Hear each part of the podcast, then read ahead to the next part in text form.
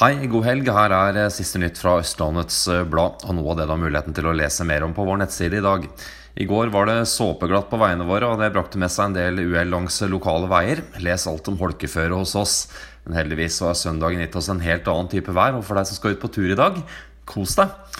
Så til en av nattens mange hendelser. Beruset kvinne slo seg vrang og forsøkte å bite politiet. Dette skjedde i Ski i natt. Alt om hendelsen hos oss.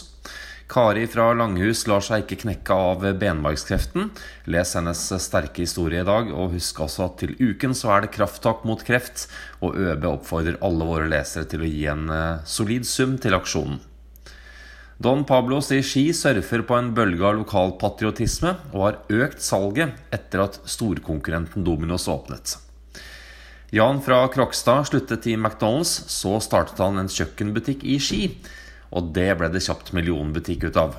Intervju med han i dag på øb.no.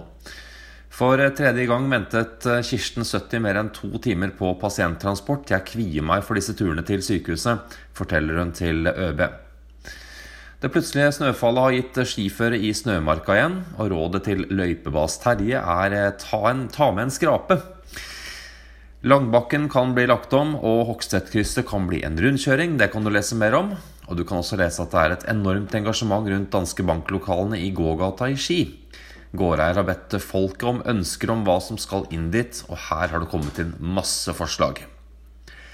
I begynnelsen av april blir det et helt nytt tilbud på Ski storsenter i de gamle lokalene til Nøstemit. Sjekk ut hva på øb.no.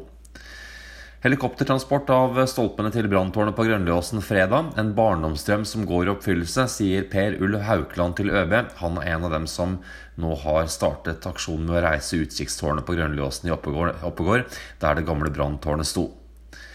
Camilla Hille vil ha med seg lokalpolitikerne på en anstendig valgkamp. Og du kan også lese en god del sport på nettsiden vår i dag. Follo HK damer står foran sesongens tøffeste test når Camilla Herrem og hennes eh, ubeseirede Sola kommer til Langhushallen søndag kveld. Vi strømmer selvfølgelig denne kampen, og følger også herrenes kamp. I tillegg kan du lese alt om fredagens nattcup i Østre Greverud idrettshall.